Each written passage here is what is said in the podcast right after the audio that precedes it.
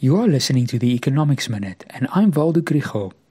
What follows here is my opinion on the opinions surrounding the inflation rate and the Reserve Bank's next repo rate decision.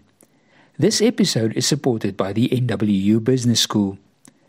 Regular listeners will know that I am very sympathetic to the Reserve Bank's use of the repo rate to fight inflation, even though my own mortgage payments is pinching as much as the next guy's. The Reserve Bank's reputation as an inflation fighter is a matter of principle. There are commentators who once again point out that we face cost push inflation, which cannot be fought with interest rates. This is partly true, but I don't hear what alternative they propose. Should the bank stand back and just wait for the cost pressure to normalize by itself? What about the consequences of inflation in the form of a weaker exchange rate and higher interest rates on the public debt? Maybe they feel we should fight inflation, but not as hard. This connects with the view that the repo rate increases are now starting to become more of an obstacle to economic growth than a counterbalance to inflation.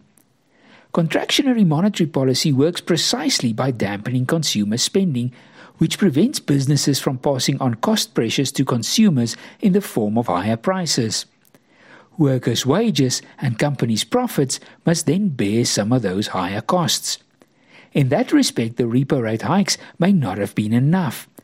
Companies' profits are indeed lower, but core inflation is stubbornly high, which shows that part of the cost pressure does increase prices. I don't know whether an unchanged repo rate or even a lower repo rate in July will do much for economic growth.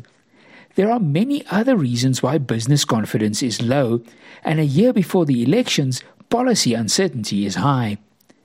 Will another increase do much to dampen inflation? I think inflation is going to fall further due to international factors. Would an increase perhaps help the rand and the bond market? Maybe, but just because that's what the markets expect.